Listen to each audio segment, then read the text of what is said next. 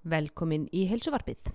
Þessi þáttur er í bóði ná á Íslandi og mér langar að mæla sérstaklega með chicken bone broth prótíninu frá þeim. Þetta prótínduft hendar afar vel fyrir fólk sem er með mjölkur óþól, fólk eins og mig sem þólir ítla bönir þannig að vegan prótín eru oft erfið í maga. Þetta er sérstaklega létt í meldinguna. Þetta er algjörlega bræðlust og það er að pimpa það upp með alls konar bræðdrópum, til dæmis nástefiadrópum, kakó, kaffi og búið til þykka og gyrnilega búðinga og seika. Nú þetta er stútfyllt af kollageni og kollagen er uppbyggingarefni liða og brjósks og er eins og lím líkamanns og prótín er auðvitað uppbyggingarefni vöðva. Þannig að það hendar einstaklega vel eftir æfingar og ég dundra þessu bara í góðan, góðan shake eftir mína æfingu og borða þetta með skeið og helli hóraðri súkulæðsósu og ég vil bara gurum hnetum og, og krönsi úti. Chicken bone broth fæst inn á náfoods.is og kóðin rakkanagli20 gefur þér 20% afslátt. Þannig að það munar um minna. Nú þessi þáttur er með steinunni önnu Sigurjónsdóttur sem er sálfræðingur sem að vinnur og rekur litlu kvíðameðferðastöðina.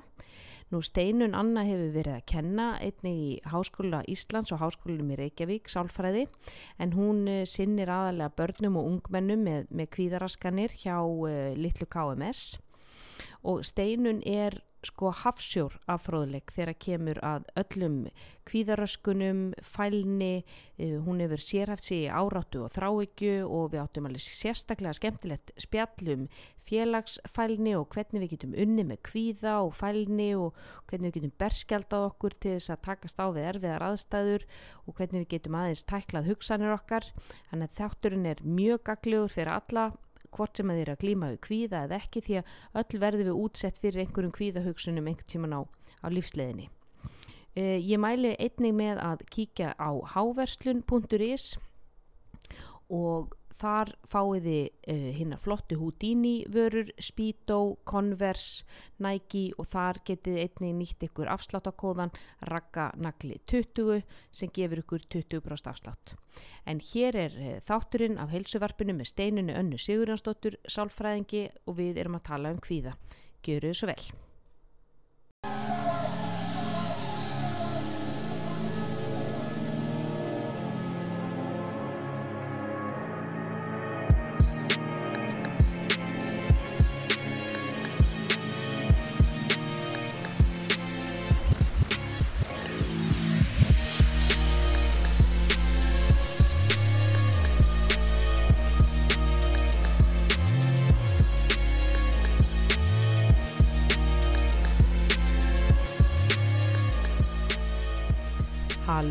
Og velkomin í heilsuvarpið.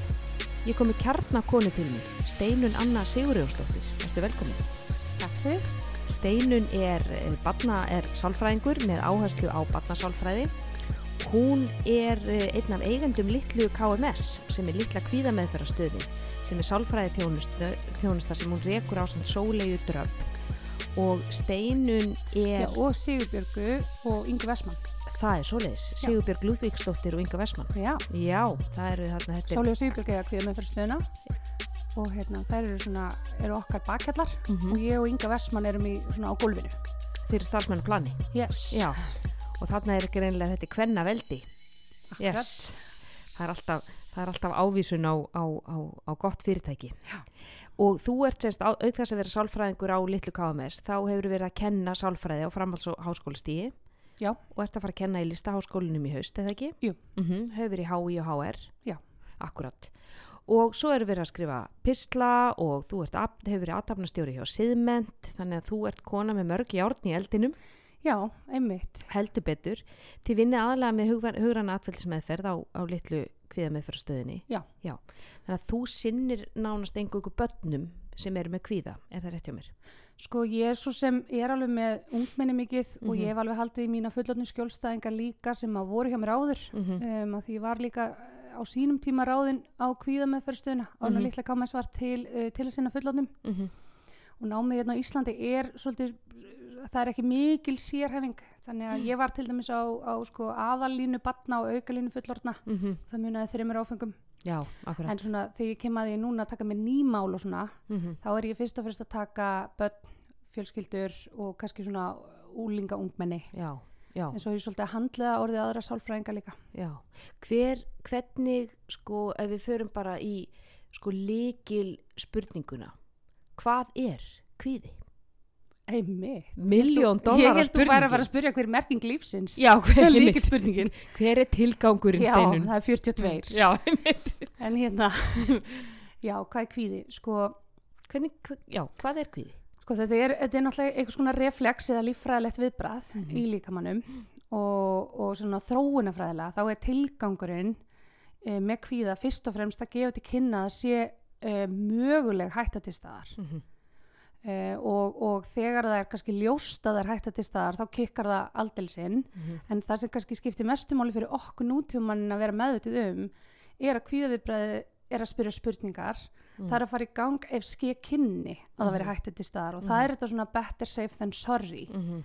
fyrirbæri þannig að um, þetta er þá líffræðilegt viðbragð uh, Fight, sem fight að or flight. Já. Mhm. hérna fight or flight uh, sem er hluti í miðtöðkerfin okkar Mhm. að þá erum við með sagt, svona drif, hérna, drifkerfi og safekerfi og drifkerfið Drifkerfið er er flight? sympatíska kerfið. passar, Og hvað- Hvað heitir, hvað heitir hitt kerfið? Því ég hef alltaf þetta... safekerfið, Sef parasympatíska. Parasympatíska. og ég fíla sko amerikanna með hérna svona rým af því að þeir kalla sér þetta sympatíska kerfið þetta fight or flight Svo hitt rest and digest. já, þetta er svo geggjað. Og það er líka svo lýsandi, mér finnst oft svo lýsandi, að því nú vinn ég rosalega mikið með fólki sem er í vandamáli með mat og á í óheilbriðu sambandi við mat já, og leitar í mat þegar það er með kvíða. einmitt. Kvíða, streitu, pyrring og af hverju gera eða bara það? allar tilfinningar, eða ekki?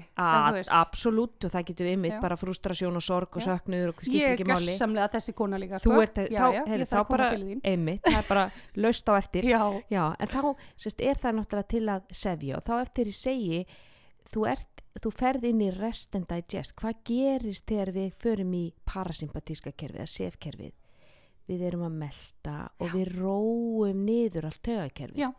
þess vegna leitum við í mat. Líka minn róast á meðan. Það meika sens já, Þannig er að svo þú veist, lýsandi já, og, veist, og eitt, eitt af þessum ráðum sem er svo oft gefið við kvíða til þessa róan er náttúrulega öndunæfingar mm og það er það sem að þegar þú ert að anda cirka tvöfalt hægar frá -hmm. heldur en að og með litlu börnin þá getum við kent þetta sem sápukúlu öndun snið þá bara setur ímyndaða svona plast hérna, þú veist, sápukúlu ringin fyrir framann, andar inn og svo setur þú stút á munnin og ímyndaður og sérst að blása sápukúlur. Mm og þú veist, og þá ert það lengi í útöndun. -hmm. og það er önnurleið til þess að reyna að reyna að sagt, svissa yfir í þetta restættjast kerfi frekar en kannski bræðarefur. Já, einmitt. Eða homblest pakkin eða homblespakkin Já. einmitt, Þannig að þarna, e- einmitt, eins og við munum koma að, síðar er náttúrulega hvernig við getum unni með kvíða og hvað gerum og þessi rólega útöndun er náttúrulega það sem að kemur okkur yfir í sefkerfið okkar á alveg 0-1. Það er, já það getur verið það já, hvað Já. er það sem að líka minn þarf á að halda alltaf strax, það er náttúrulega öndun. Og ef við gefum honum til kynna, það, það er engin hægt á ferðum, við þurfum ekki að anda svona grund. Já. Mm að því að sko ef þú hugsa sko það sem að ein leið til að hugsa þetta er sko að kvíða viðbræði er að spyrja spurningar -hmm. er hægt á ferð en við, við um tilningu til að taka því þannig þegar að viðbræði fyrir gang að það sé hægt á ferð ah. þannig í staðin fyrir að veist vera svona ok, nú er eitthvað kerfið farið í gang akkur er maður að líða svona já ég er að hugsa um þetta prófa morgun eða Mhm. já ég er að fara í mér og það eitthvað Mm. þá förum við meiri bara svona vélinn er að fara að rappa Mm. ég mun falla á prófinu þú Akkurat. veist, við förum í að, að hættan sé komin Mhm. og þá er unni að því að þetta er, þetta líffræðilegt það er Mhm. að segja að þegar að uh, drifkerfi fyrir gang Mhm. þá verða alls konar breytingar og líkamstarfsemi sem Mhm. að allar í rauninni eru bara til þess að forgásað orku í vöðvana Mhm. þú ert að fara að taka viðbrað þú ert sennilega að fara að reyna að flýja einhverju hættu Mm. og þú vilt bara slökka á öllum kerfum sem eru orkufrek og eru ekki til að hjálpa að hlaupa hraðar Akkurat. eða berjast veist, og það bara þýðir að melding stoppar það þýðir að blóðflæði breytist það fyrir meira blóðflæði í stóru vöðvana Mhm. minna í húð og svona grinnri háraðar uh, þá kemur maganúturinn Mhm. það verður þessi aukningi hjarslætti því hraðast í hjarta slær því meiri orkast að senda til vöðvana Mhm. ef þú ferði í svona hámarsvirkun þú hugsaður um kvíða viðbræði eins og þau ert að hækka og lækka í græjunuðinum mhm, ef þú hækkar í botn þá er það ofsakvíðakast mm. það er bara eins sterk virkun og hægt að fá fram Hvernig lýsir ofsakviðakastir? og þá ert að fá sko í rauninni að fara frá því að vera mögulega bara með enga virkun eða bara einhvern svona vægan kvíða Mm yfir í rauninni svona hámarsvirkun á innan við tímyndum mm. þar sem þú færð að lámarki fjögur mjög sterk líkalega enginni Sem eru?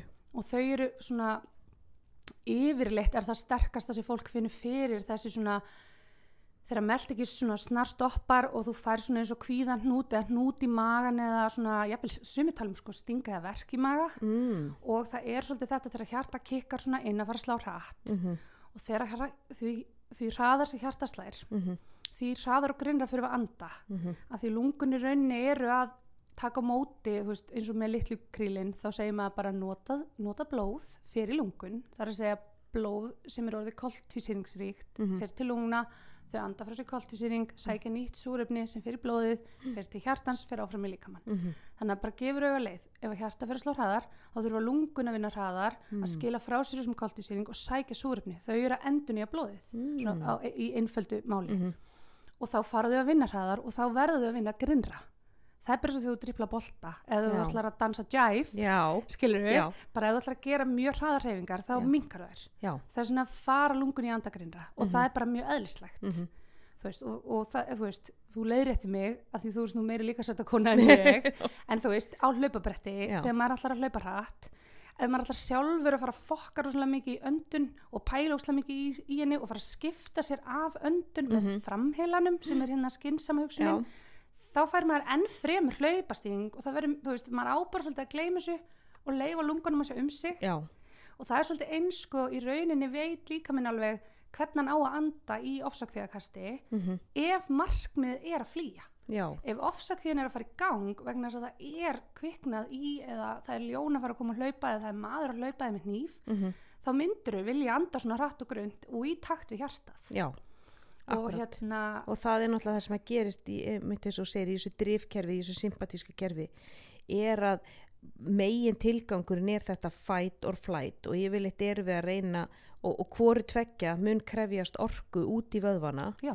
og þá fer allt blóðflæðið úr maganum yfir í vöðvana þannig að við erum ekki að melta mat á meðan, við erum Já. ekki líka minn er ekki standi til þess að vera að melta fæðu á Já, þessum sk- og þú veist tímapunkti þetta bara skiptir ekki máli þetta er svo orkufrækt ferli Já. við getum bara gert þá eftir þegar hættanlegin Já, sko. og þess vegna er oft sem að fólk sem er undir í miklum kvíða og er undir mikill streitu fær oft meldingatrublanir vegna þess að það er að borða en það er í streitu ástandi og þannig að mægin er ekki að melda fæðuna eins og hann ætti að vera að gera þegar við erum róleg. Þannig ég segi oft við fólk byrjaðu á að anda frá þér, kveikt á kerti og til þess að sko nærast í meiri núvitund til þess að þú verðir róleri prófaðu að byrja að gera allt rosalega hægt Já.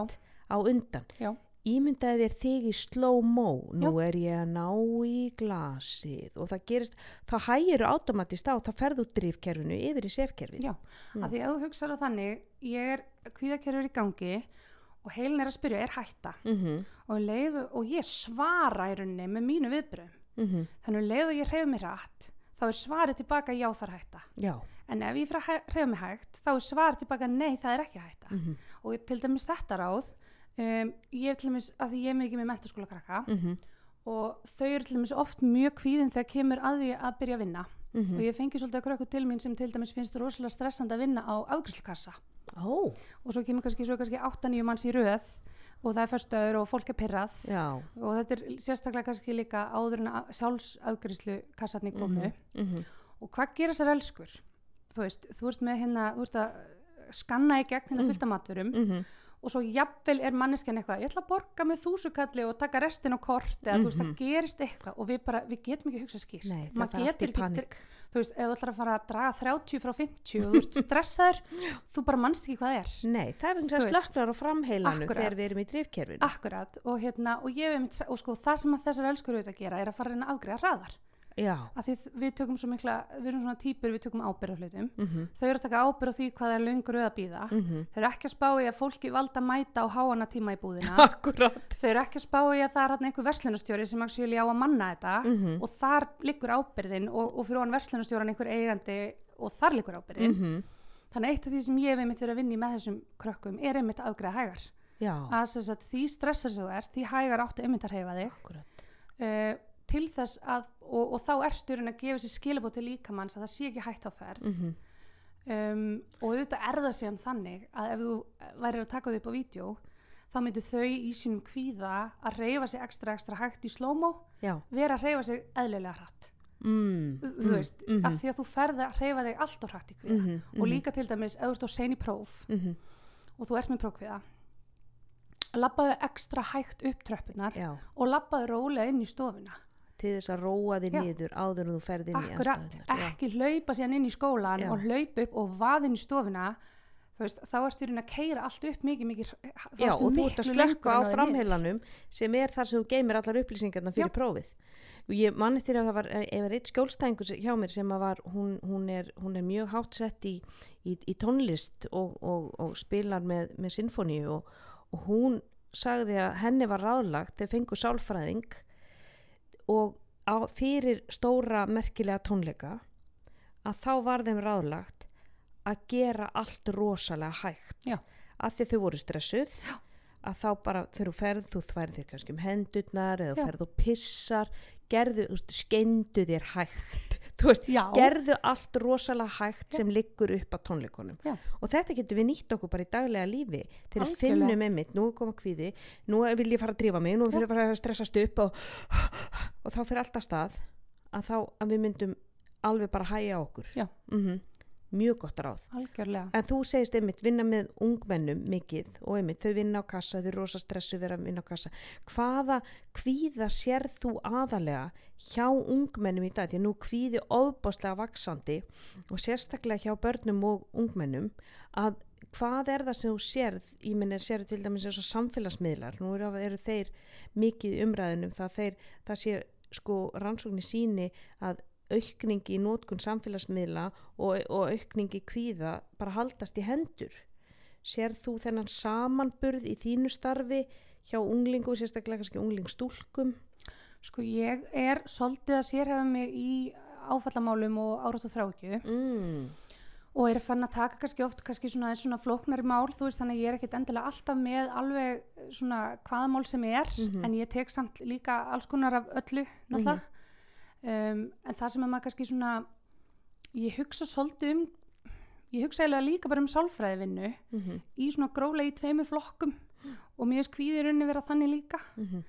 að annars erum við með það sem að kannski við, við sálfræðingar kallum þú veist klíniska vinnu þú veist við erum með ákveðna kvíðaraskanir sem að hafa fyllt okkur alltaf og Hverjar eru það? þróunafræðilega tengdar okkur hver, Þar- hver, hver eru Já, kvíðaraskanir? þannig að, sagt, ef þú hugsaður um bara að þetta viðbræðir í raunni tilbúið þú veist áður en að við verðum maðurinn sko. Mm ef þú hugsaður um að við séum með eitthvað viðbræðskerfi sem er kvíða viðbræð það er hanna fyrir viltu náttúruna Mhm. og það er í bara spendirum, það er meira sér skriðdýrum mm Mhm. skilur við, Þetta er bara survivalismi akkurat að, hérna, að þá hugsa maður bara um hvað ógn er þar og þá maður þetta aldrei séð að það er sem sagt við verðumst vera minnst þetta svolítið svona og ef þú hugsaður um rófubein Ok, ok, eða þú veist, ég er ekki Nei. en sjúkraþjálfari að sjá ákveðin svona kerfisbundna veikleika í líkamannum Mhm. bara af því að einu sinni vorum við á fjórum fótum og svo erum við upprétt mm, og núna sitjum við mikið mm, og þannig að þeir sjá það er þessi tegund af veist, festuminni eða þetta Já. fyrirbæri sem gerist mjög oft af því hvernig líkaminn er mm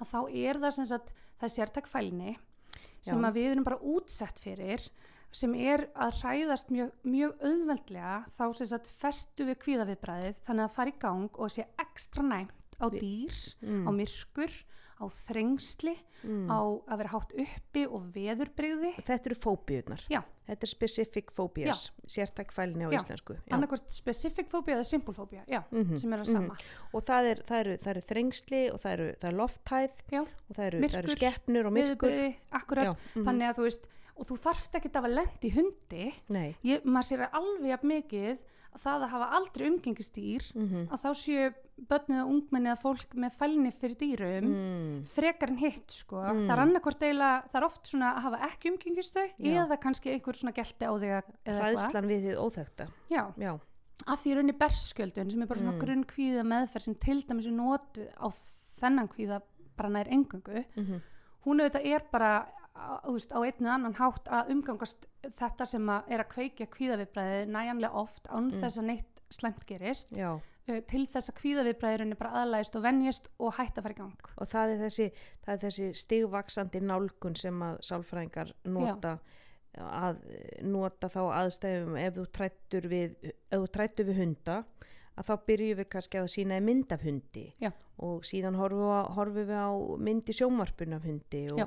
svo horfum við á hund í gegnum búr í tvekja metra fjarlægð Já. og allt þetta þessi stigvaksandi nálgun til við komist að því að þú getur fara að klappa hundi eða haft hann við hliðina á þér eða lappa með hann í bandi eða eitthvað og svo er einmitt svolítið gaman að því að tala um þetta áðan með að reyfa sig hægt mm að þú mm, sko, þú margfaldar árangurinn af þessari meðferð bæði bara eh, veist, þarf jafnvel sko færi skref Mm. og virka mikið mikið hraðar ef þú virkilega einbyttir þér að tækninni. Já. Þannig ef að þú, þegar þú ert til dæmis að horfa á mynd af hundinum, Mm. þá myndi ég, ef ég sæti með þér og þú verið skjólstæðingur, þá myndi ég fylgjast með hvernig axlinar á þér eru, hvernig Mm. er andlitsvipriðin þín, hvað Mhm. hreyfingar ertu með. Mhm. Þannig við leiðréttum alla tjáningu sem að getur gefið til kynna ógeð Já. eða ógn. þetta er nefnilega ótrúlega magnað að, að, að vinna með þetta hjá fólki að, að sko hvernig við, við gefum til kynna, við sendum svo mikil skilabóð til líkamanns með svipriðum og, og án þess að gera okkur grein fyrir því Já. og ef að ég er hrætt að þá er ég með skeifu og ég seti brýtnar en ef að ég þvinga mig til að brosa Já. Að þá er ég að senda misjönd þá veit líka mér að byrja, ha, en við erum hrætt við Já. erum í kvíða, akkur er þetta brosa ég skilit ekki Já. og það getur oft nullstilt okkur Já. og Það ég er- get alveg mælt með því að fólk prófi þetta því ég prófa þetta sjálf í æfingum þegar maður er í einhverju, þú veist, og ég meina nú stund að ég er svona hardcore uh, líkamsrækt, þú veist, crossfit og, og maður er oft bara á leiðin í fóstustellinguna að sjúa puttan sko, þú veist, undir það síðasta, en þú þart að klára, þú átt kannski tvö sett eftir og þú ert búin að setja á Led Zeppelin og Guns N' Roses og allt og þetta er ekkert að virka og þú ert bara því langa bara að hætta þá fer, fer ég ofta að hugsa, hvernig er svipriðið mín? Já. er ég ekki að gretta mig undir vond og ég er hún ljóti framann að ef ég prófa að rétta úr og neutralisera andlitið búm, virkar eins og en þegar þið horfið á hvernig eru þær í, á svipin Animist og Katrín Tanja þær eru oft, ég meina Animist er stundum brosandi í einhverjum viðbjóði á crossfit-leikunum Heyrðu, ég hef ekki prófað þetta. Nei, Ég ætla að gera það núna. þetta er nefnilega, þetta virkar þetta er bara það að senda, þetta er ekki træðilegt, þetta er ekki, þetta er ekki svona vondið svo heldur Já. að, að neutralisera sko svipriðin Já. Og einmitt þess að segja, þetta virkar á, á, á kvíðan líka Já. þú fylgist með þínu skjólstæðingum hvernig eru svipriðin, hvernig eru axlirnar Já. hvernig er þetta að horfa Og svo er sko að nálgast það sem þú ert með og, þannig, og þá notum við forvitni. mm -hmm. Þannig að þá erum við svona á ennsku approach behavior. Mm Þú veist, þannig að þá ertu, veist, að horfa og vera, veist, er, er, er þetta dýr eða hvað svo sem þú verður að skoða. -hmm. Er það loðið, veist, er það gullt, er það grænt, þú veist, og þá ertu í staðin fyrir eitthvað svona, er bara viðbjöður. þannig að þú getur verið að lýsa því. mm Já.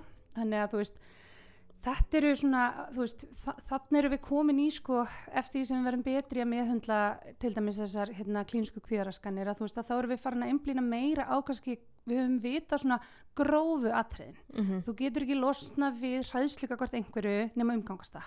Það bara gefur auðleið. Mhm. En nú erum við farin að verða alltaf betur og betri í tækninni til þess að ná samt meiri árangri og meiri varanlegum árangri.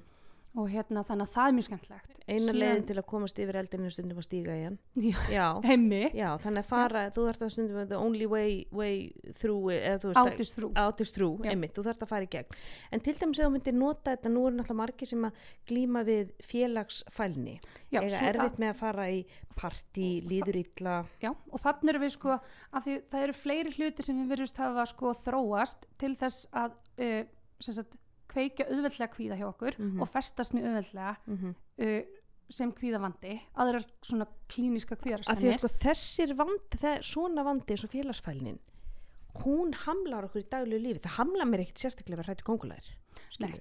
Almennt ekki. Nei. En félagskvíði og þróunarfræðilega þá snýst það um það væntanlega því að, af því að sko það sem náttúrulega velst úr heilt yfir hjá lífverum er hegðun sem að eigur lífslíkur þannig að þeir ná fjölga sér meira þannig að þeirra gen komist áfram Mm. og ef þú hugsaður um félagsfælni þá virkar það þannig að öll spendir sem að kunna er rauninni að geta ekki aðlaga sér hópnum og hegða sér ekki á einhvern máta sem að hópnum er þóknanleg Mhm. og eru, ef þau eru reikin úr hjörðinni Mhm. þá bæði lifa þau ekki lengi og þau geta ekki fjölgari, fjölga sér Akkurat. þannig að Þetta það, er, það við að þróað inn í okkur bæði sk- skammartilfinningin til þess að læra bara viðegandi hegðun af hópnum Mhm. og svona þetta bara að, að svolítið að vera svona að lesa í þú veist goggunaröðina Mhm. veist, hversu ofalega neðarlega er ég í henni Mm, náttúrulega mhm. í náttúrun eða komin mjög neðarlega í goggunaröðinni Mhm. þá er tölverð hætta á að þér verði, þú er bara skilin eftir Mhm. og eins þetta náttúrulega í náttúrunni ef ég er neðarlega þá má ég ekkert vera eitthvað að fara of hátt ég má ekkert bara fara að tala við þennan Nei. apa sem situr á þessu borði af því hann er miklu ofern í goggunaröðinni Já. þá verð ég bara drepin Já. og þetta er ókslega ríkt í okkur Já. þannig að félagsfælni það eru um 10% af fólki Mhm. með þú veist þá félagskvíða enginn á svona hamlandi stíi þess að við myndum greina félagskvíða röskun þá er félagskvíðin fann að hamla er þannig að þú ert átt mjög erfitt með að eignast vini eða viðhalda vinskap þú veist, funkar ekki í skóla eða vinnu Mm. þú veist, þú getur henni ekki þú ert að hugsa um ungmenni eða fullari fólk uh, bara svona eh, þú veist, beðum launahekkanir eða þú veist, Mm. tristir ekki til að halda ræðu hjá barninu Mhm. og þetta er farið að virkilega trubla þig Mhm. ef þetta er einhver nokk, veist, eins og þú segir með kongulófælni Mhm. hamlar ekki endilega sama með ef ég funkar alveg en ég kannski myndi ekki þóra að halda ræðu í veislu dóttur minnar Mhm. hún var að gifta sig, það var leðilegt þú veist, þá er ég kannski bara feimin eða bara með ræðu kvíða Já. um, þannig að félagsfælnin er svona eitt af þessum stóru Sko klínísku. félagsfælinir getur um líka komið fram að, að þú, þú átt erfitt með að mæta í mannfagnaði.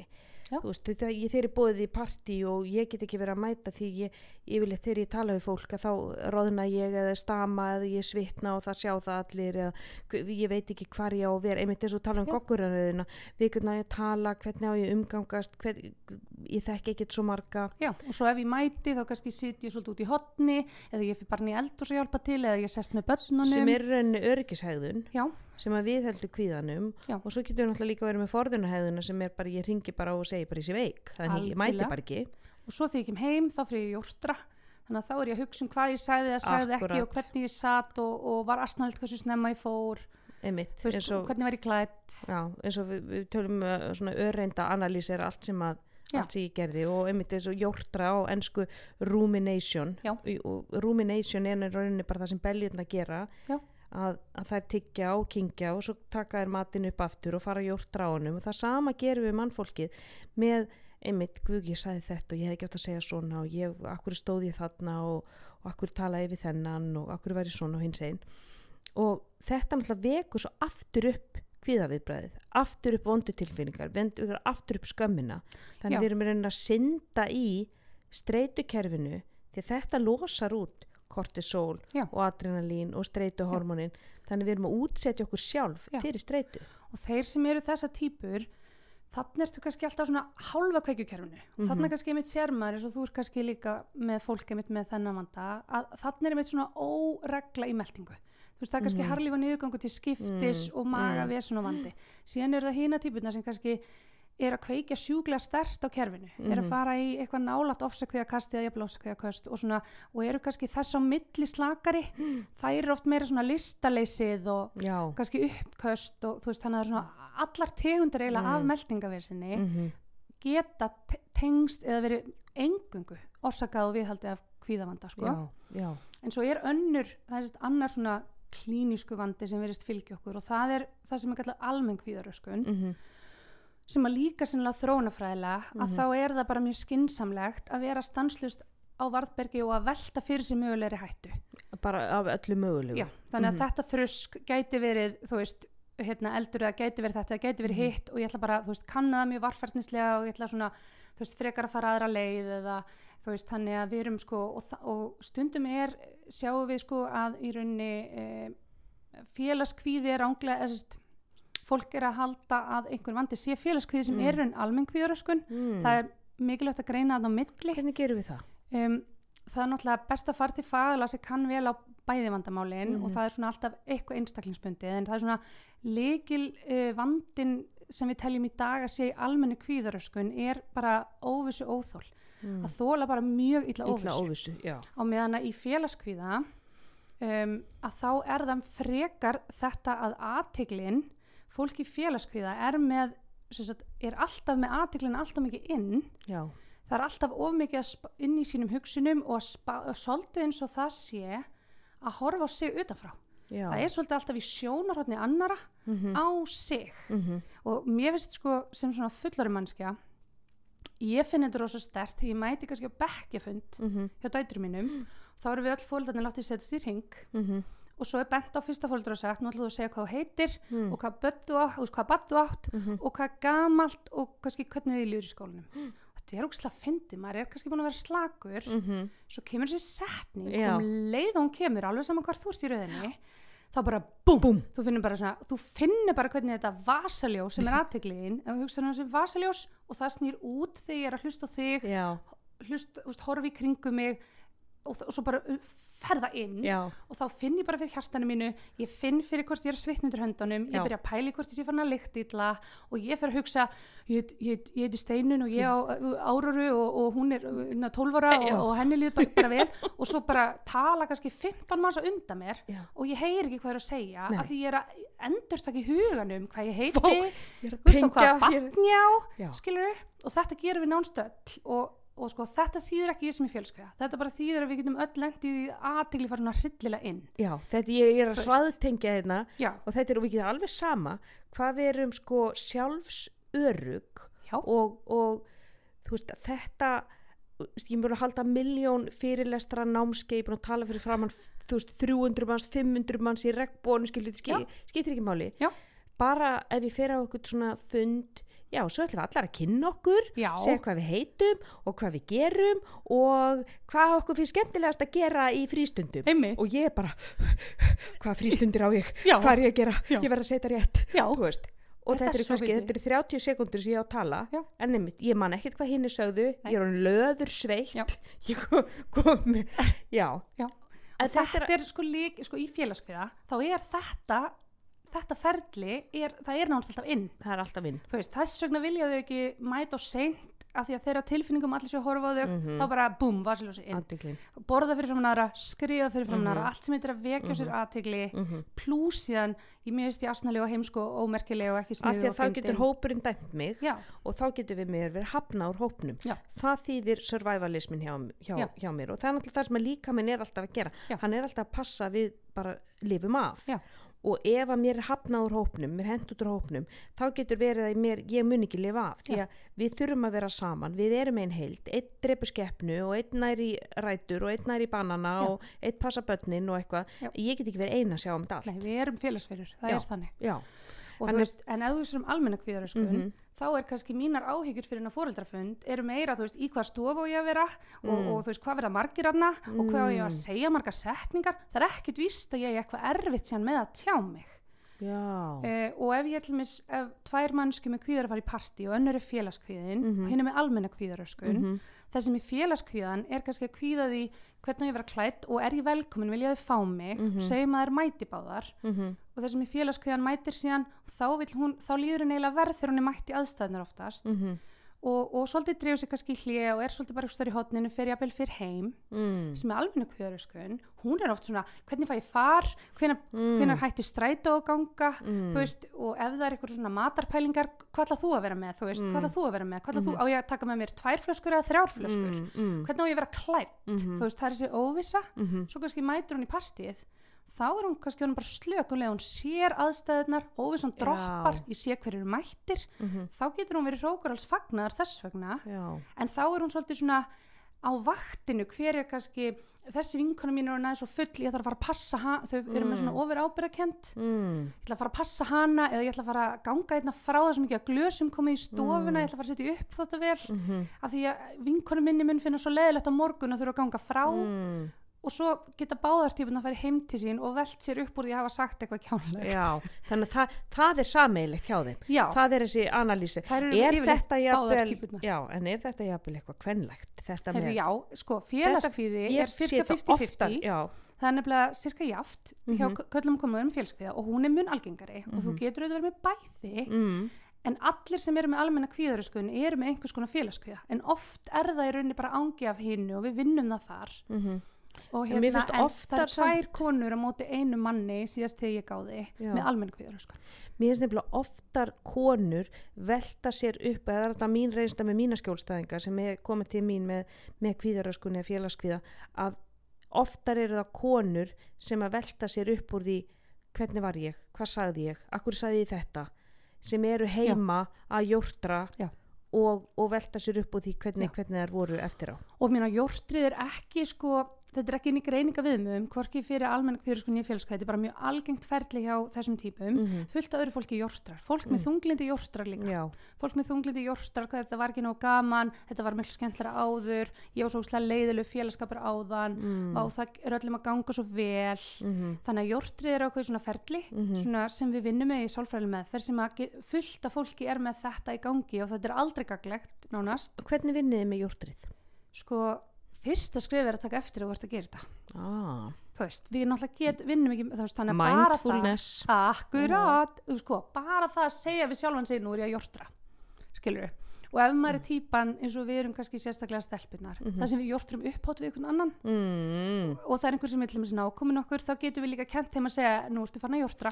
Já, og þetta gerum við, jórtur getur náttúrulega bæði verið inn á við og eins út á við og við konur eigum, þetta er okkar coping mekanismi yfirleitt, segjum að uh, ég uh, á í rifrildi við manni minn og, og hvað ger ég? Ég rík út og ég ringi kannski strax í sýstu mína. Já. Veistu hvað hann sagði? Já. Sko, ég meni ég kem inn heim og hann er ekki búin að taka úr uppþáttavilni og ég segi bara við hann og þá er ég að jórtra og ég Já. er að búa til hjá mér aftur slæmi tilfinningarnar. Já. að þá get ég virkað hana í að segja, heyrðu, nú ertu Ragnlífin, nú ertu farin að jórtra.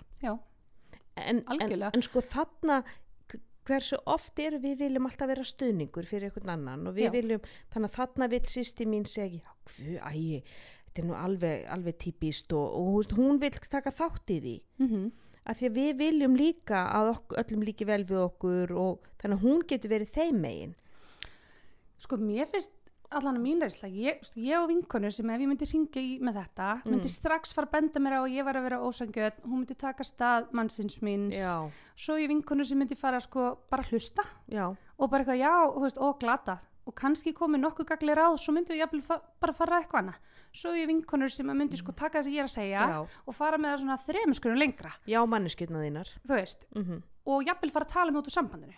Þannig að finnst sko, veist þannig að ég, sko, ég hef bent svolítið mínum konum á og ég hef reynt, reynt að nýta það líka sjálf að pína flokka sitt fólk -hmm. og læra pínu inn á það sjálfur hvenar er mér fara að líða það illa? Ég þarf að bara einhvern sem að getur hjálpa mér að til dæmis fatta bara að þetta er ekki að ganga. Já, þú veist að því ég er bara svo mikil gullfiskur ég er bara eitthvað samlandi aðstæðum sem er ekki góða fyrir mig Já. og ég þarf að ringi kona sem minni mig á þú ert búin að segja þetta í átta ár þannig að flokka fólkið í ok, hver, hver, hvað er bara já manneskjötnar hjá mér Já. hvað er svona, þú veist, eins og við segjum að ennsku enablers Já.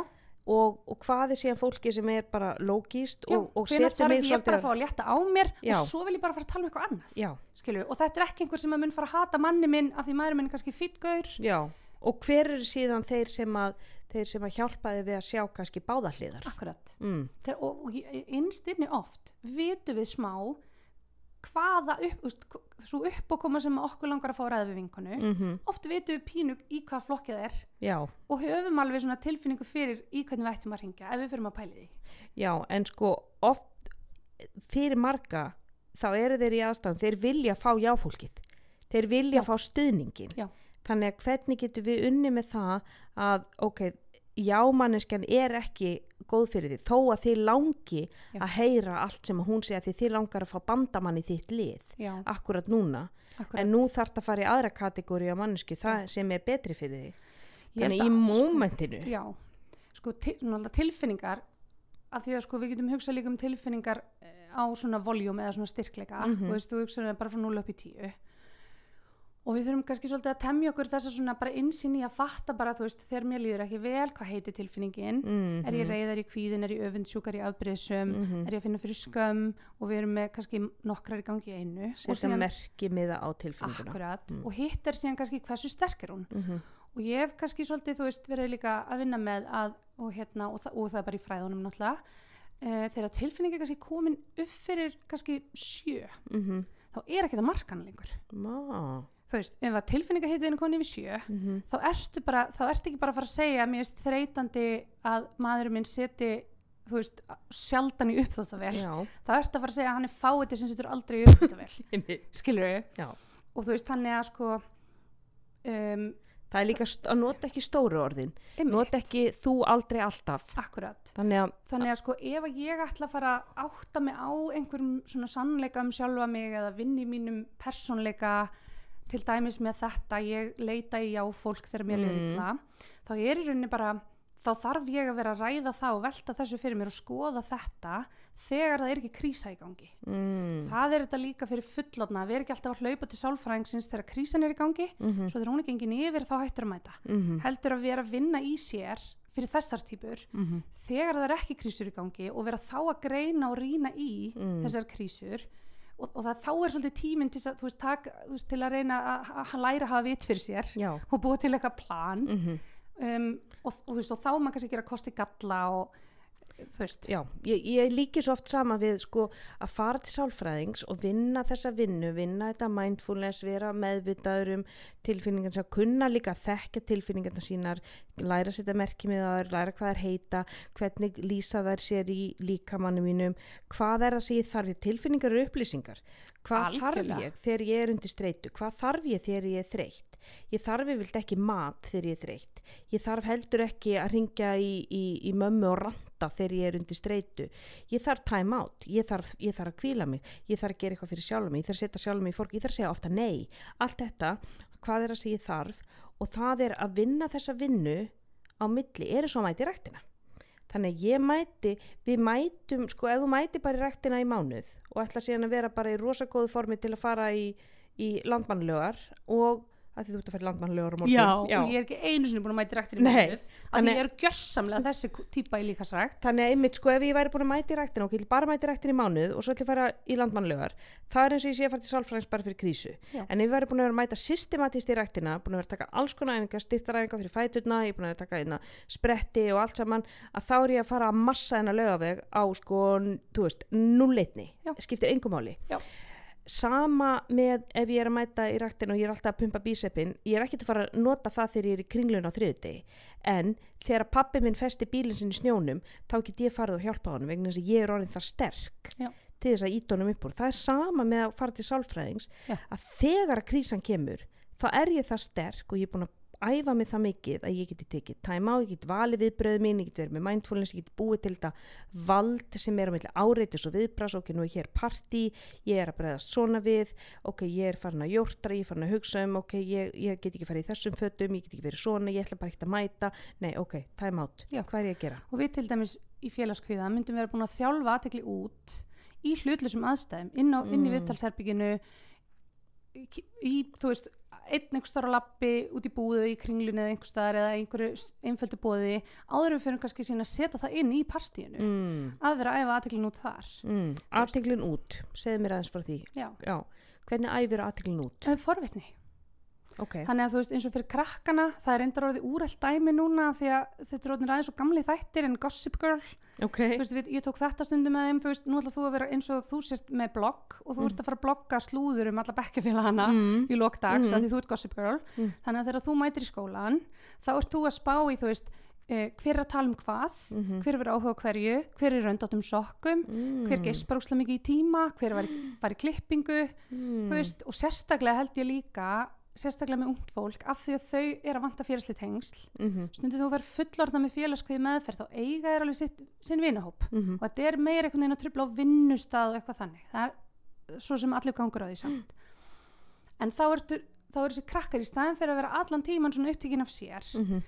þá vita þau svo lítið um krakkan í kringu sér til að spjalla Ah, þannig að með því að vera, sko þetta er svona þú ert að slá tvær flugur í einu höggi. Mhm, þú ert að æfa því að setja aðtekli út og hætta að spá svona mikið í þér og hvernig þú situr og hvað þú ert að segja og hvað öðrum er að finnast um þig og þú ert að taka eftir öðrum. Mhm, og þú getur þá bæði verið að fá upplýsingar eins og aðrir mismæla sig eða aðrir byrja að segja einhverja sögu og svo grýpar eitthvað fram í fyrir þeim og Mhm. enginn fyrir að hlusta eða einhver Mhm. annar óvart að rópar eða prumpar í tíma mhm, eða mhm, einhver annar er með lélegan fyrirlustur undan þér eða whatever. mhm, Þú ert að efa aðteklinu út og þú ert líka að fá alls konar upplýsingar eins og hver hver fíla sama Eurovision á ég Já. eða hver er að tala um að langa að fara á þessa bíómynd sem ég langar einmitt líka að sjá mm. eða hver er kattakona og hver er hundakall og hver, veist, mm -hmm. hver er með ofnæmi fyrir netum eða Já, veist, þannig að þú ert að sapna upplýsingu, þú verður svona svolítið gagna, gagna, gagnasöfnun Já. og, og æfir það að, að sko, hafa áhuga og forvitni fyrir öðru fólki Já.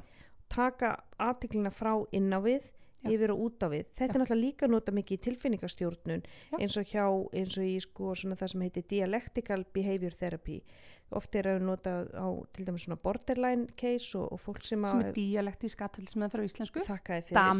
Greinilega ekki búin að búa lengi á Íslandi.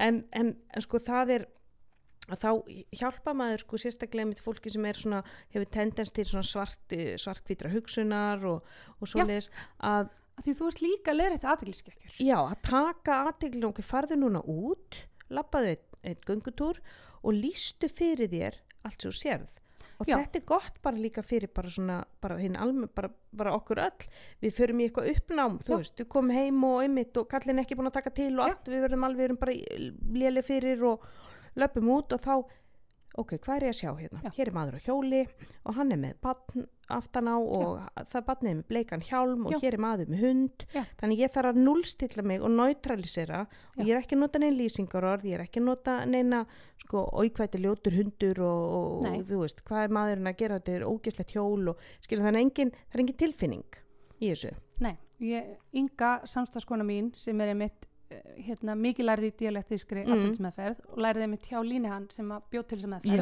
það? Og hérna hún, ég dyrk þetta sko, hún var með mynd af Donald Trump. Já, ok. Á hérna skrifborinu sínu heilengi uh, og var að æfa sig í svona hlutlursi lýsingu þannig hún var að æfa sig að geta hort á hann og sagt bara þú veist, maður með þú veist svona gul hérna, Gult hár. gul, já, gult hár Appelsingulu húð. einmitt, í, þú veist, blátt bindi. Já.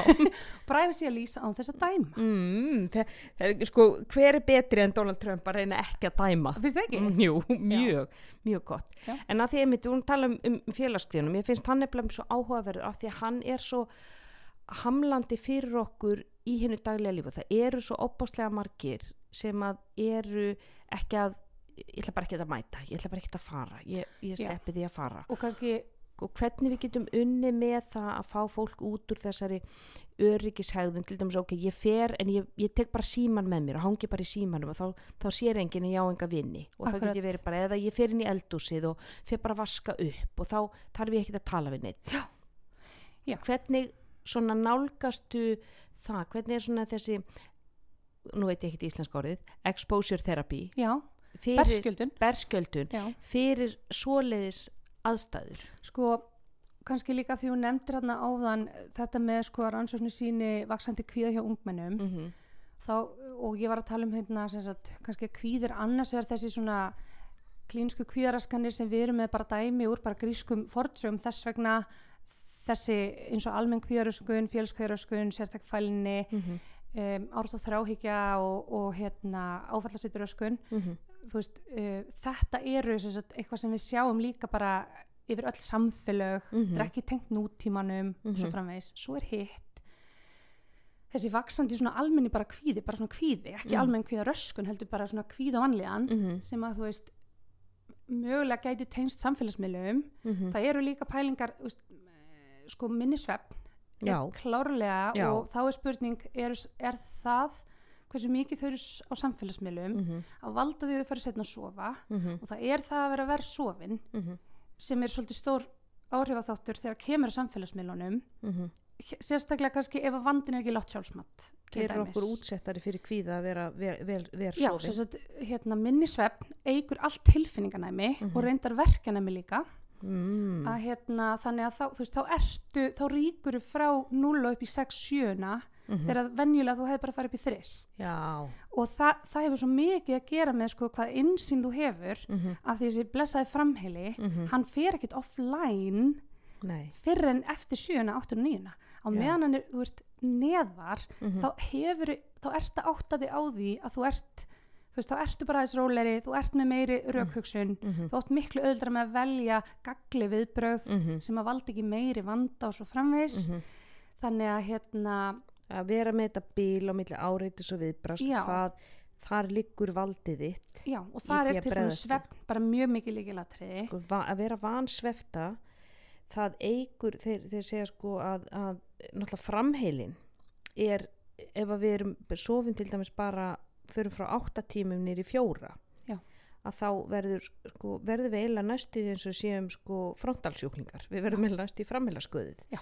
í framheilanu tökum við allar ákvarðan í framheilinu er bara náttúrulega forstjórn það er það sem við gerum okkur að, að manneskjum, Já. human beings akkurat, og ef að hann er ekki til staðar þá Já. náttúrulega að, öll lítil áreiti sem ég sé þau verða þá miklu meira kvíðavaldandi. Ef ég er að Já. skoða samfélagsmiðla og ég er að bera mig saman byrja þessi miklu sætar en ég er þessi miklu flottari föt en ég er þessa kærasta, ég á ekki kærasta að þá eins og þú segir, þá í staðin fyrir að láta það, ok, ég er fyrir í tvist, trist, þetta er óþægilegt, ég minnst að leðilegt, ég er ekki kærasta, minnst að leðilegt að ég á ekki svona flott föt að þá í staðin er þetta katastrófa. Já, og þetta er eitthvað, þetta er eitthvað hræðilegt ég mun aldrei eignast kærasta ég á ógeðslega ljót Já. ég ætla ekki að fara út úr húsi Já. þannig að það verður allt og ég sekk bara inn í þetta Já. í marga marga klukkutíma mm í staðin fyrir bara svona, já nú þarf en ég er samt að fara að mæti vinnu á eftir eða ég Mm. þarf að skila þessu verkefni á morgun -hmm. eða ég ætla svo bara að heyri í vinkonu minn og fara núna út og gera eitthvað skemmtilegt mm -hmm. þú veist, þar sem að þú ert eitthvað annað og meira Mm en þetta -hmm. þannig að ég myndi alltaf sko sérstaklega með yngra fólkinu með allan kvíðavanda þá þurfum við öll að fara að reyna að fá þau til að taka betur á svefmálum, það er þannig. En það er bara þingri en tárum taki að ræða það að fara fyrir að sofa. Já sko það er heldur þau eru líka hanga í símanum og þannig þau eru að fá bláu byrtuna beint inn í, ljósopið Já. sem er að senka melatonin framlist í þeim og ég menna rannsóknir sína bara ef þú, ef þú lest sko til dæmis bók bara af iPad fyrir svefnin að það senkar melatonin framlist um tvo tíma versus ef þú lest bara af bara, Já. og ég, ég get sagt sko, þú veist, sérstaklega ef einhverju er að hlusta sem á börnundi tíu ára mm -hmm. það er lang einfaldast að laga svefnin hjá barninu með því að venja það aldrei á að hafa síma spjaldið að sjónvarp upp í rúmi Akkurat. af því að mentaskóla aðalega stelpur strákar svo sem líka það sem að þær segja þegar maður færi þar á þessum aldri er ég er búin að sopna út frá friends eða síma eða Já. spjaldi frá því ég var lítil Mm -hmm. og ég get ekki veist, ég get ekki hugsanir mínar, ég, ég þóla ekki þögn eða, eða Mhm. heilan í mér. Og þú veist þannig að þær hafi ekki þjálfað sig upp í Mhm. þú veist að geta, þú veist þannig að best er náttúrulega að skapa ekki þessar venjur. og, að, hérna, og þetta er eitthvað svona samfélags vand, eh, það þarf eitthvað samfélagslega lausn á Já, þessu sko. Þetta er nútíma vandi og að það að sko börn er að sopna út frá, út frá sjónvarpi, út frá spjaltölvu og, og, og einmitt þóliki þögnina. Já, og svo segja þau sko, en þegar ég fer að fætur þetta, ef ég legg fram í síman klukkan 9-10, þegar ég fer að fætur daginn eftir, þá er inn í grúptjáttinu mínu, hálfur bekkur minn búin að vera að spjalla til þrjú um nóttina. Já, ég er búin að missa af Og, einhverju. veist, og þá segja þau náttúrulega að það er engin annar að þurfa að gera þetta nema ég, Mm -hmm.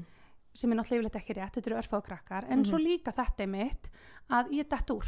Ég er ekki með í gríninu, þannig að FOMO, best væri náttúrulega að foreldrar svolítið tækju sér saman. akkurat. En sko félagskviði heilt yfir í meðferð, þú þarft að vera hjá einhverjum sem kann að kortleikjan vel, Mm -hmm. því að sko það er algjörlega mín reynsla ef að ég útskýrum ekki félagskviða á réttan hátt. Mhm.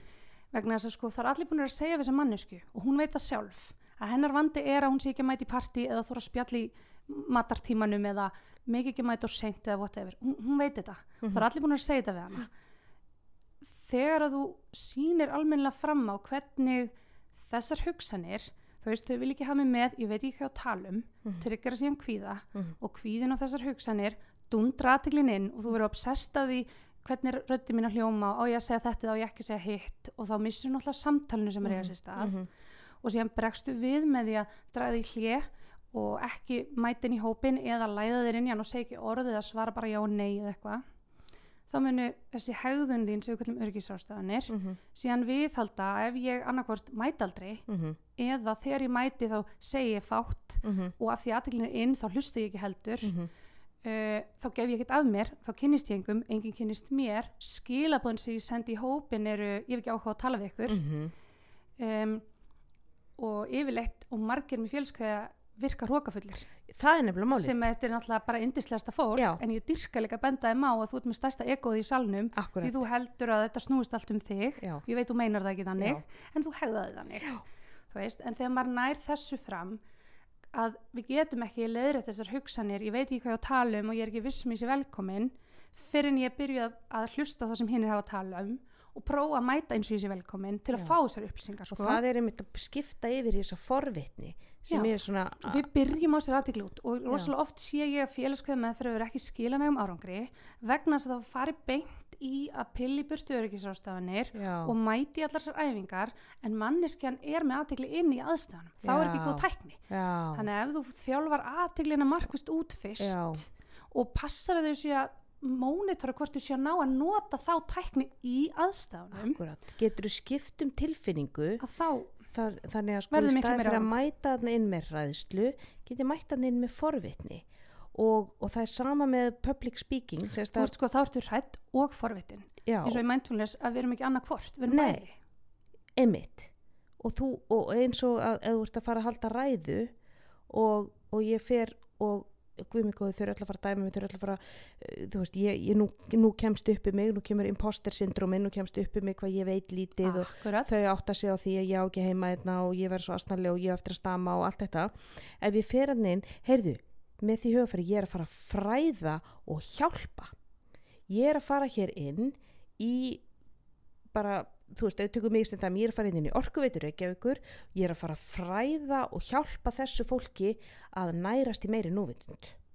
Þannig að þá fer ég inn með allt öðru hugafæri heldur en þau eru að fara að dæma mig, þau eru að fara að horfa mig, þau eru að fara að hlæja, þau eru að fara að pískra vegna að ég eftir að vera svo asnaleg. Þannig að að skiptum tilfinningu, eins og þú segir, að nota forvitnina, þegar ég kem inn í aðstæður og ég er, er hrætt og mér finnst þetta óþægilegt og ég á eftir að vera svona og ég á eftir að svitna og róðna og allt þetta, að, heyrðu, hvað ætli þau hafa að segja í dag? Hvað ætli, Já. hérna, hvað ætli Sigga hafi hvernig lítur þetta fólk út hvernig lítur það út, í hvaða fötum er það þau, Já. hvernig, hvernig ætli Sigga sé búin að hafa það síðustu vikuna, Já. ætli maðurinn hennar sé ennþá að vinna þarna í ef það er kassagerðinni. einhver að tala undan þér þá að hlusta á hann, Já. ekki vera að hugsa um hvað þú ætlar að segja Akkurat, já. En þetta er, þetta er ótrúlega góð, góð ráð að, að setja aðteglun út af og eins og sér, þú ert með stærsta egoið í salnum, eins og þú segir, að þannig, sko, þegar við hugsaum um það, við förum í partí. Og, og ég segi þetta oft við mína skjólstæðinga, þú fer í partí og svo er þið búið í sama partí með sama fólkinu kannski eftir þrjá mánuði. Og þú hugsar, ég get ekki farið í bláa kjólnum, ég var í honum í síðasta partí. Klassíst Manst þú í hvaða fötum hitt fólki var? Já. Nei. Já. Þú hefur ekki hugmynduð það. Nei. En þú heldur að allir muni eftir þér Já. og í hvaða spjörum þú varst. þannig ertu komin í sko að því að berskildun er ég ætla að setja mig í einhverjar aðstæður þar sem að það sem ég kvíði er triggerað -hmm. og ég ætla bara svolítið að vera þarna og ég ætla að reyna að taka á móti og ég ætla að reyna að leiðrætta tæknina mína Mhm. Og þá hugsaum við um að kvíðin fer upp í svona ákveðni kurvu Mhm. nær hámarki og fer aftur niður Akkurat. og ef ég er bara nóg lengi að þá yfirleitt gerist það Mhm. S- svo til viðbótar eh, og reyndar það þarf ekki, sagt, eh, það er ekki það er orðið örlítið úrelt að við verðum að vera alltaf þanga til við um náðu einhverju 50% mingun en það er svona önnusaga svo er hitt sem einhverjum atfellistilrunir Mhm. á einsku behavioral experiment og allar atfellistilrunir fela í sér einhverja berskjöldun og all berskjöldun er einhverju leiti einhvers konar atfellistilrun Mhm. en atfellistilraun aðalmarkmið þar er ég með tilgáttu, hún er ef ég mæti þessum bláa kjól þá munu allir muna eftir því Mhm. og af hverju verður það slæmt fólki mun finnast það asnalegt það, þú veist það verður hleyjað mér Já. eða það verður bent eða það mun koma neikvað aðtöðsemt Mhm. Hversu vissir ég kannski um þetta frá 0 upp í 10 Mhm. hversu margir heldur ég held ég að minni kannski taka eftir því þá Mhm. setjum við upp svona blað þá erum við að vinna með bara hugsanir og það sem Mhm. við getum kallað þá hugsana skekkjur jafnvel Mhm. og þá erum við að fara að kanna ákveðin hlut þá ætla ég viljandi að fara í bláa kjólnum þetta er önnuleið sem við vinnum Mhm. og nú er ég að fara að kanna bara þú veist, Hvað mun einhver kannast við hennan kjól, mun einhver kommentar á það Mhm. Og Þú ef svo aftur er, í bláa hver margir Áttu engin önnu föt. akkurat, og númið tvö er Mm. vá, veist, er það, verður það vá, ó, þú veist í bláa kjólnum ma- ó, hann svo geggjari og hann er myndið að hugsa um hann, hvað fegst hann Mhm. eða verður það í mitt, skilur Já. svo getur þú sett inn til dæmis akkurat aðtekli út, inn í þessa atvillistilum getur þú sett uh, þú veist, ef þú skildir nú hafa munið eftir einhverjum fötur sem einhver annar var í Mhm. þá gæti það verið hérna þú veist, uh, hver, þú veist af, þú manst hérna, þessa fjóra mannskjur þú manst í hverju þær voru. Mhm. þá er partur kannski verkefninu að kanna hvort einhver af þeim mæti í því, Já. skilur Já. síðan getur þú gert spurningakönnun á netið.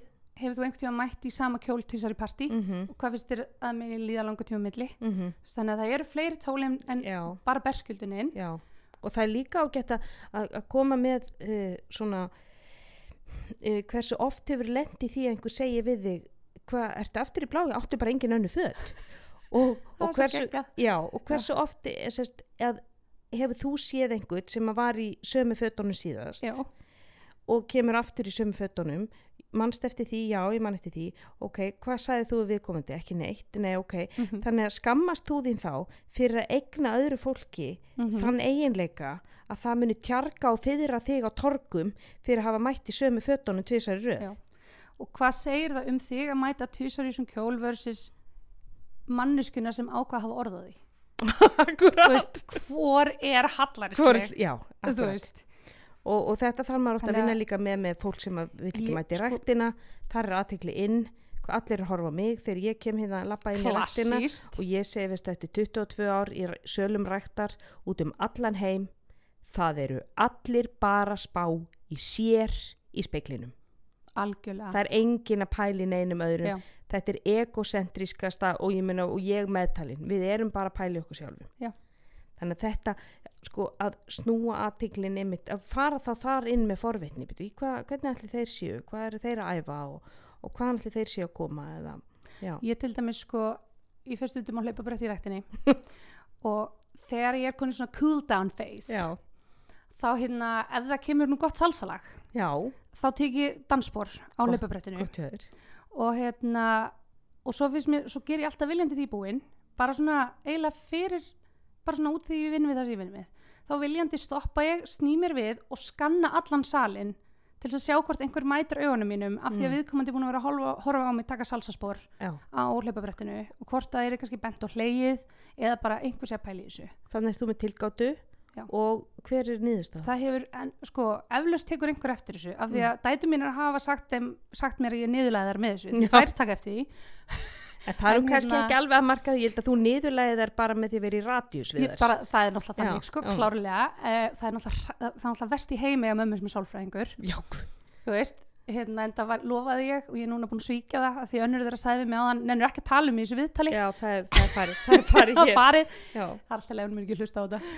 En hérna, uh, það hefur aldrei neitt mætt augum mínum. Nei. Ég er hins vegar, mér finnst stundu gaman að leika mér aðeins með svona þetta hugræna endumatt mm. mér finnst svolítið leiðilegt svona hugrænt endumatt sem eru líkurnar á því versta mér finnst miklu skemmtilega að fara í hræðilegan og ég elska það þegar mínir skjólstækar lenda í því versta sem þeir hefðu getið ímyndað sér. Mm. ég dyrka það. Og það er ekkit einn slemt og þeir voru búin að, búin að og búa ég til. dyrka það þegar þau læra óna Mm. niðurlegandi augnablik mm. og hugsa bara djúvel er þetta ótrúlega góð saga eftir svona mánuð þegar ég Já. jafna mig á þessari skömm? Djúvel er þetta góð partísaga? Já, þannig að þú veist ég er alltaf, sko mín hugsun, hugsun þarna er ég er að býða eftir einhver high five mig já. Ég er í raun ekki að býða eftir að einhver dæmi mig. Nei. Ég skil ekki akkur fólk er ekki að dásta mig meira. Mm. skilur einmitt. Og þegar ég til dæmis er í rektinni í mínu ekki góða formi og ég hef verið sko 25 kílóm þingri og Ok. samt farið stundum í rektina mm. þá fannst mér alltaf skemmtilegast bara að hugsa þeir sem sjá mig og sjá hvað ég er í ræðilegu formi meðan við þá sjálfa nú er ég aldrei búin að glæða þau í dag. Heldur betur. Þú veist, og þú ert líka búin að gleðja alla hina sem er ekki af góðu form og þú og horfa á þig og, Já. og, og sjá þig sem fyrirmynd akkurat já þannig að það, það er sko það er ákveðin stúdi að bara hegðun fólks í ræktinni og, og, og, og hræðsla fólks við ræktina og kvíðin fyrir að lappa þar inn og vera dæmdur og, og, og forðuna og hegðunin eru sko eins og í félagskvíða það er svo Mm. indislegt þau eru svo, og líka í almennu kvíðarskörindar sérstaklega að því þau ætla að gera allt rétt sko. Mhm. það má ekki gera mistök það er þetta sko að gera eitthvað kjánalegt ég mitt actually um daginn var að gera eitthvað kolránt á eitt svona ræktatæki mm -hmm. með fótinn alveg, þú veist, það sem ég var að gera var bara eitthvað ógisla það fyndi sem svona hefur verið tekin upp og sett á að YouTube það kom bara maður að mér, rosa Mm. mm. vingjallega og bara eitthvað, heyrðu, þú áttur reyndar að hafa fótinn þarna og gera þetta svona. Já. og ég bara, ég var svo þakklátt ég bara, ah, já, takk. Já, og lagaði það. Og nú kann ég það. Já, en þetta er alveg bara svona, að vil enda í vandræðilegu og þetta er samt dæmi um eitt af versta sem að margir kvíða þessu. kann ekki, kann ekki að tækin. Já. ég hitti mitt gamlan bekkjafélaga núna um daginn og, og hann var þetta með einhverjum fjórum strákum og þeir eru á kaldabar og þeir eru svona rosa tappar sko. Og svo segir einn, heyrðu, þú að opna buksnakluf og ég stend sko fyrir fram að það Já. og ég lít niður og buksnaklöfin er bara galopinu þeir eru bara að horfa beint á nölluna mínar sko. smart. Ég segi já, hei, takk fyrir hann segi já, rendu bara upp og, og við, hérna, þú veist, við gleymum þessu bara og ég segi, veist að ég er bara ekkit vandræðileg yfir þessu Já. ég nenni ekki eða tími yfir að vandræðileg Nei. og ég með þetta er bara góð saga Já. og hún er hér með sögð er en hérna þetta sögð. er líka eins og segir að, að lenda í því versta upplifa það og hugsa svo ok, þetta verður bara góð, góð partísa það versta sem ég lendi í var ekkit svo slæmt ef einhver hefði sagt við mig heyrðu, þú ert eftir að standa fyrir framann fimm sæta stráka og við erum að opna buksnaklöf Já. Það hefði verið katastrófa í haustnum Já. en að, aðstæðna var, voru ekki eins, eins hræðilegar. Nei, nei, Svo sko með svona típur svona eh, íþróttamenn, tónlistamenn og þessar sem eru kannski að gera eitthvað svona stóra viðbyrju á þetta mm þá veist mér líka alltaf svo gott að segja sko þú ert meðaltalið af ferlinu þínum.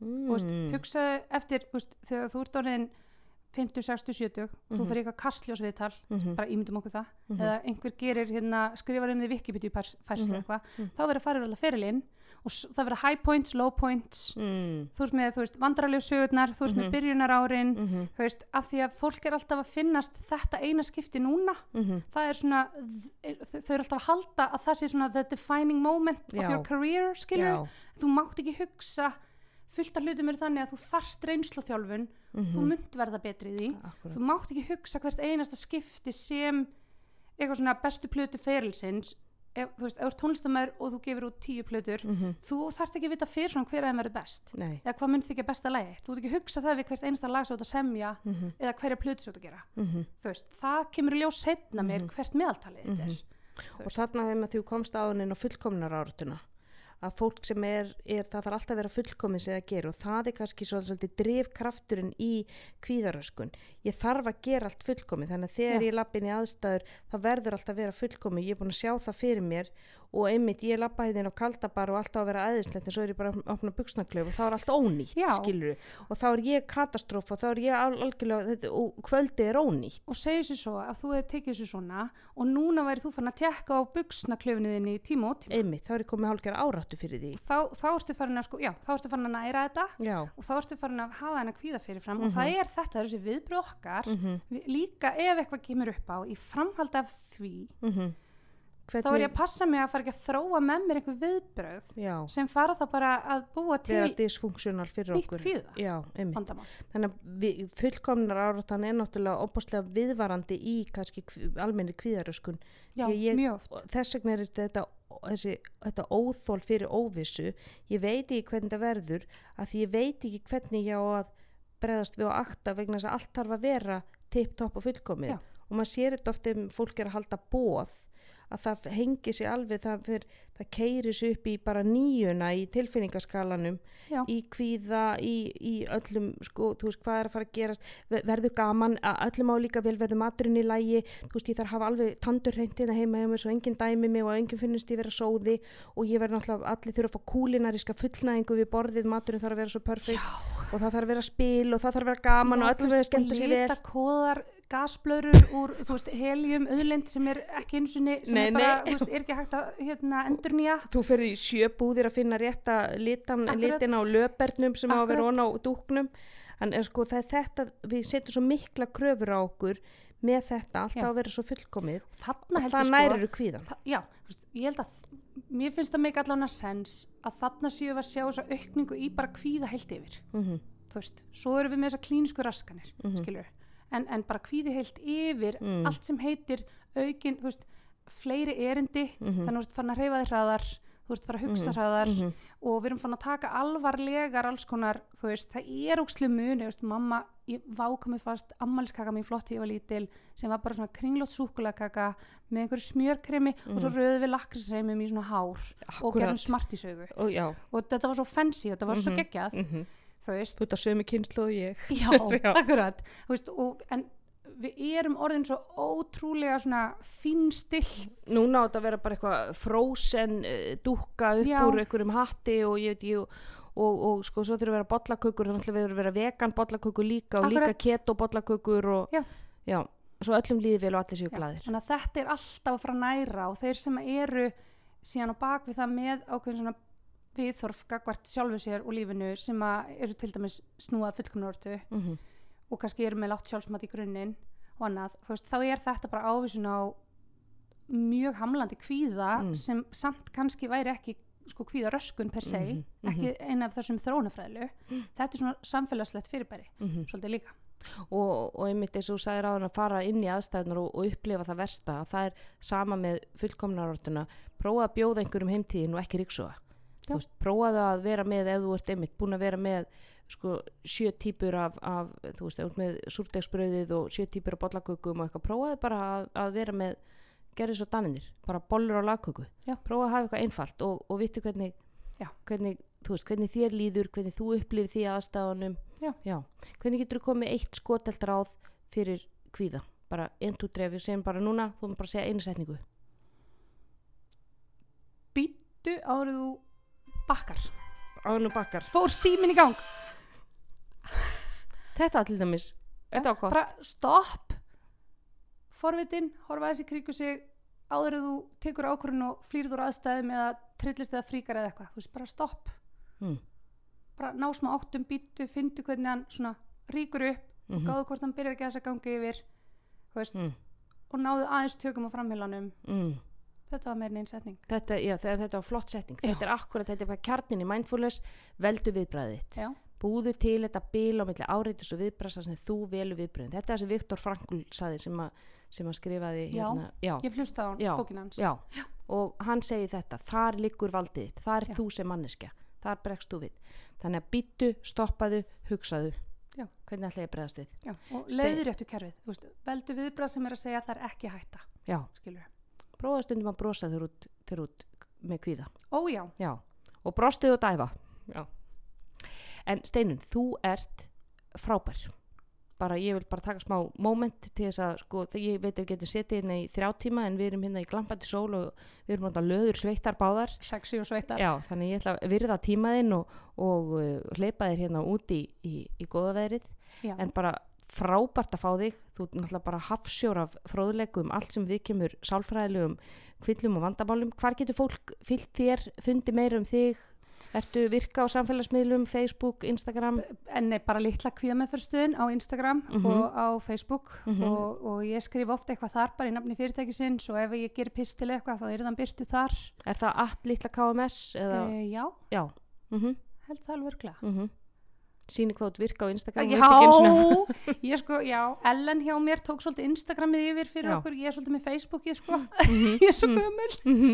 Þannig að þið eru með Facebook síðu, Já. litla kviða meðfærstöðin, þið eru með. Instagram síðu, þið eru náttúrulega með, með heimasíðu Já, og þannig að þar getur fólk fyllt svo erum við náttúrulega sko, við auglýsum stundum opna fræðslu og, og fyrirlestra og okkur Mhm. er alltaf langa að gera meira af því, þannig Mhm. að þú veist, ef fólk einmitt lækar okkur á Instagram og Facebook þá, þá getur það fylgst svolítið með það getur alveg orðið í næsta vetur meira af svona eins tvekja tíma einhverjum svona ör fyrirlesturum og fræðslu bara um alls konar. það er fólki, fólki veitir ekki af því sérstaklega einmitt fyrir börnin, börnin í dag. E, bara frábært að fá þig. Takk kærlega fyrir að gefa þig tíma og til ykkur hlustandi góði takk fyrir að hlusta á heilsuvarpið og þá til næst verið bless